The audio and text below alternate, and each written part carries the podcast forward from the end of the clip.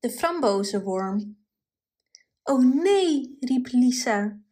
Eul, riep Aina. Wat, riep de grote zus. Een worm, riep Lisa. Op de framboos, riep Aina. Dood hem, riep Otto. Wat een drukte om een arm wormpje, zei de grote zus minachtend. Ja, maar we hadden de frambozen zo netjes schoongemaakt, zei Lisa. Hij is uit die hele grote gekropen, zei Aina. Stel je voor dat iemand de framboos had opgegeten, zei Lisa. Dan hadden ze de worm ook opgegeten, zei Aina. Nou, wat kan dat voor kwaad, zei Otto. Een worm eten, jakkes, riep Lisa. En dan dood je hem met één hap, mompelde Aina.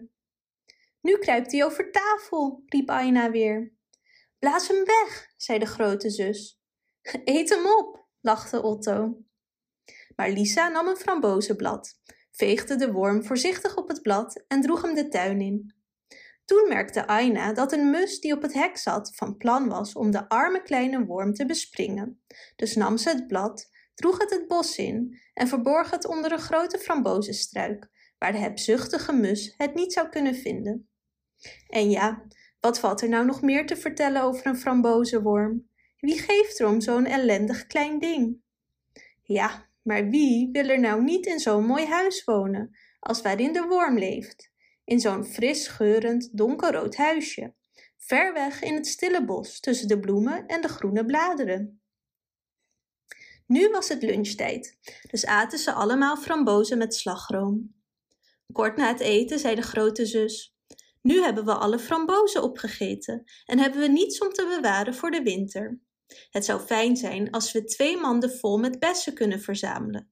Dan kunnen we ze vanavond schoonmaken, morgen koken in de grote pan en dan kunnen we frambozenjam op ons brood eten. Oké, kom, laten we naar het bos gaan om te plukken, zei Lisa. Ja, zei Aina, jij pakt de gele mand en ik de groene. Verdwaal niet en kom s'avonds veilig terug, zei de grote zus. Groet aan de frambozenworm, zei Otto spottend.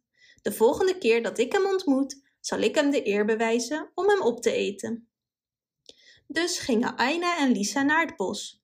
Wat was het daar heerlijk. Het was wel vermoeiend om over de omgevallen bomen te klimmen, vast te zitten in de takken en oorlog te voeren met de jeneverbeststruiken en de muggen. Maar wat deed dat ertoe? De meisjes konden goed klimmen en al snel waren ze diep in het bos. Er waren heel veel bosbessen en vlierbessen maar geen frambozen. Ze zochten en zochten en tenslotte kwamen ze bij een groot frambozenbos. Er was hier een keer brand geweest en nu waren er frambozenstruiken opgegroeid, zo ver het oog reikte. Elke struik zat vol met de grootste, donkerrode, rijpe frambozen. Zoveel hadden de twee kleine bessenplukkers nog nooit gevonden. Lisa en Aina verzamelden zoveel ze konden en aten zoveel ze konden. En even later waren hun manden vol. Nu gaan we naar huis, zei Aina. Nee, laten we er nog meer verzamelen, zei Lisa. Dus zetten ze de manden op de grond en begonnen hun schortjes te vullen. En het duurde niet lang of ook hun schortjes waren helemaal vol. Nu gaan we naar huis, zei Lisa. Ja, nu gaan we naar huis, zei Aina. Beide meisjes namen een mand in de ene hand en hielden hun schort in de andere en draaide zich toen om om naar huis te gaan. Maar dat was makkelijker gezegd dan gedaan. Ze waren nog nooit zo ver in het grote bos geweest en ze konden geen weg of pad vinden. En al snel merkten de meisjes dat ze verdwaald waren. De meisjes werden ongerust, maar verwachten dat het bos snel zou ophouden en dat ze de rook uit de schoorsteen van hun huis snel zouden zien komen. Nadat ze een hele tijd hadden rondgedwaald, begon het donker te worden Eindelijk bereikten ze een grote vlakte, begroeid met struiken. En toen ze om zich heen keken, zagen ze, voor zover ze iets konden zien in het donker, dat ze op dezelfde plek waren met de prachtige frambozenstruiken, waar ze net hun manden en hun schorten vol hadden geplukt. Toen waren ze zo moe dat ze op een steen gingen zitten en begonnen te huilen. Ik heb zo'n honger, zei Lisa. Ja, zei Aina, hadden we maar wat lekkere boterhammen. Terwijl ze dat zei, voelde ze iets in haar hand.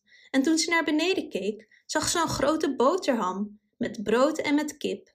En tegelijkertijd zei Lisa, wat vreemd, ik heb een broodje in mijn hand. Ik ook, zei Aina. Oh, hadden we nou ook maar een lekker glas melk, zei Lisa nu. Net toen ze dat zei, voelde ze een groot glas melk tussen haar vingers. En tegelijkertijd riep Aina uit: Lisa, Lisa, ik heb een glas melk in mijn hand. Is dat niet raar? De meisjes hadden echt grote honger, dus ze aten en ze dronken met goede eetlust.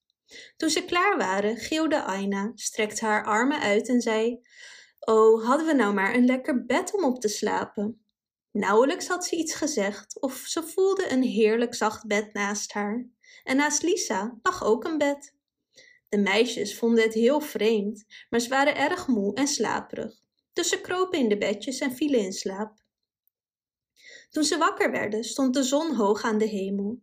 Het bos was prachtig in de zomerochtend en de vogels vlogen rond in de takken en de boomtoppen. Eerst waren de meisjes vol verbazing toen ze zagen dat ze in het bos tussen de frambozenstruiken hadden geslapen. Ze keken elkaar aan, ze keken naar hun bedden. Eindelijk zei Lisa: Ben jij wakker, Aina? Ja, zei Aina. Maar ik droom nog steeds, zei Lisa. Nee, zei Aina, maar er leeft, leeft zeker een goede vee tussen deze frambozenstruiken.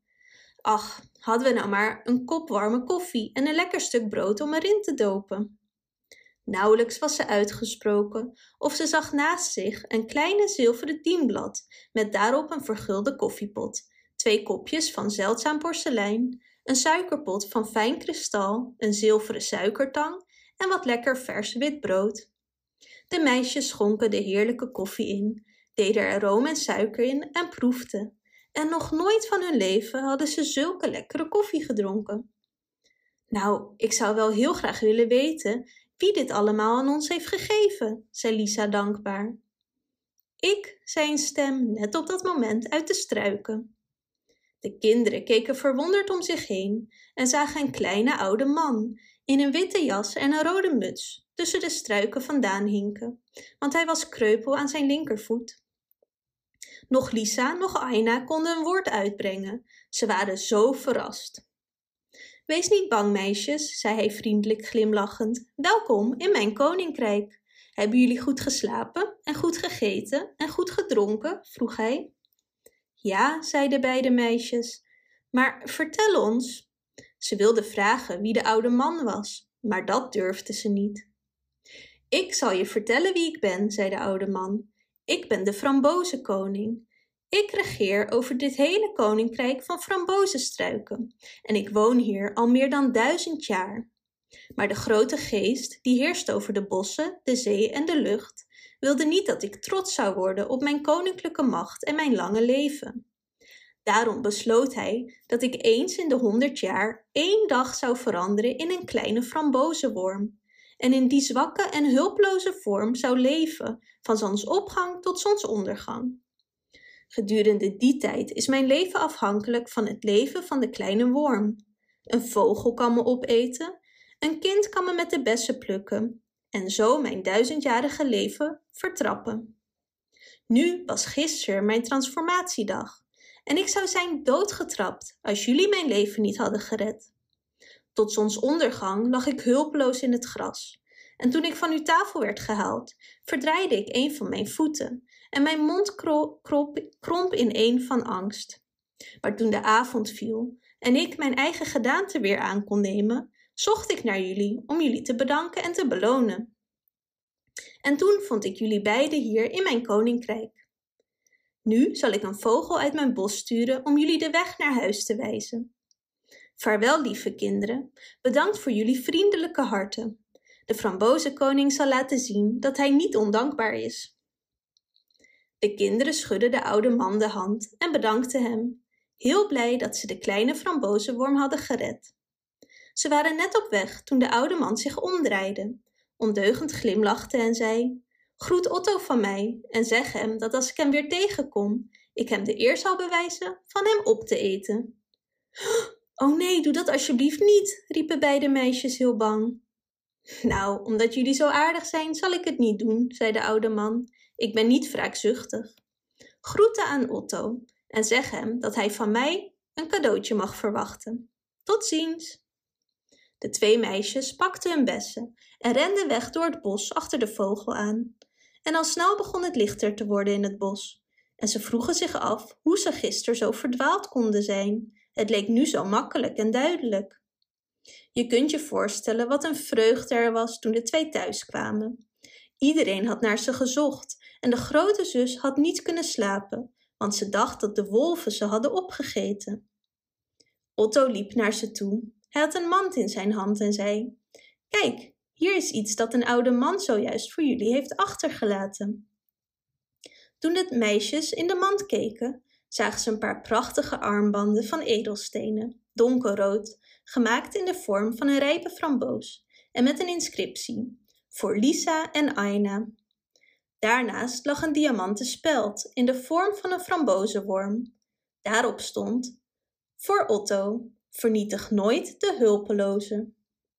Otto schaamde zich nogal. Hij begreep wat het betekende. De frambozenkoning had ook aan de grote zus gedacht. Want toen ze naar binnen ging om de tafel te dekken, vond ze elf grote manden met de mooiste frambozen. En niemand wist hoe ze daar gekomen waren. Maar iedereen raadde het. Bedankt voor het luisteren. Wist je dat je dit verhaal ook op onze website ririro.com/nl kunt lezen, downloaden en printen?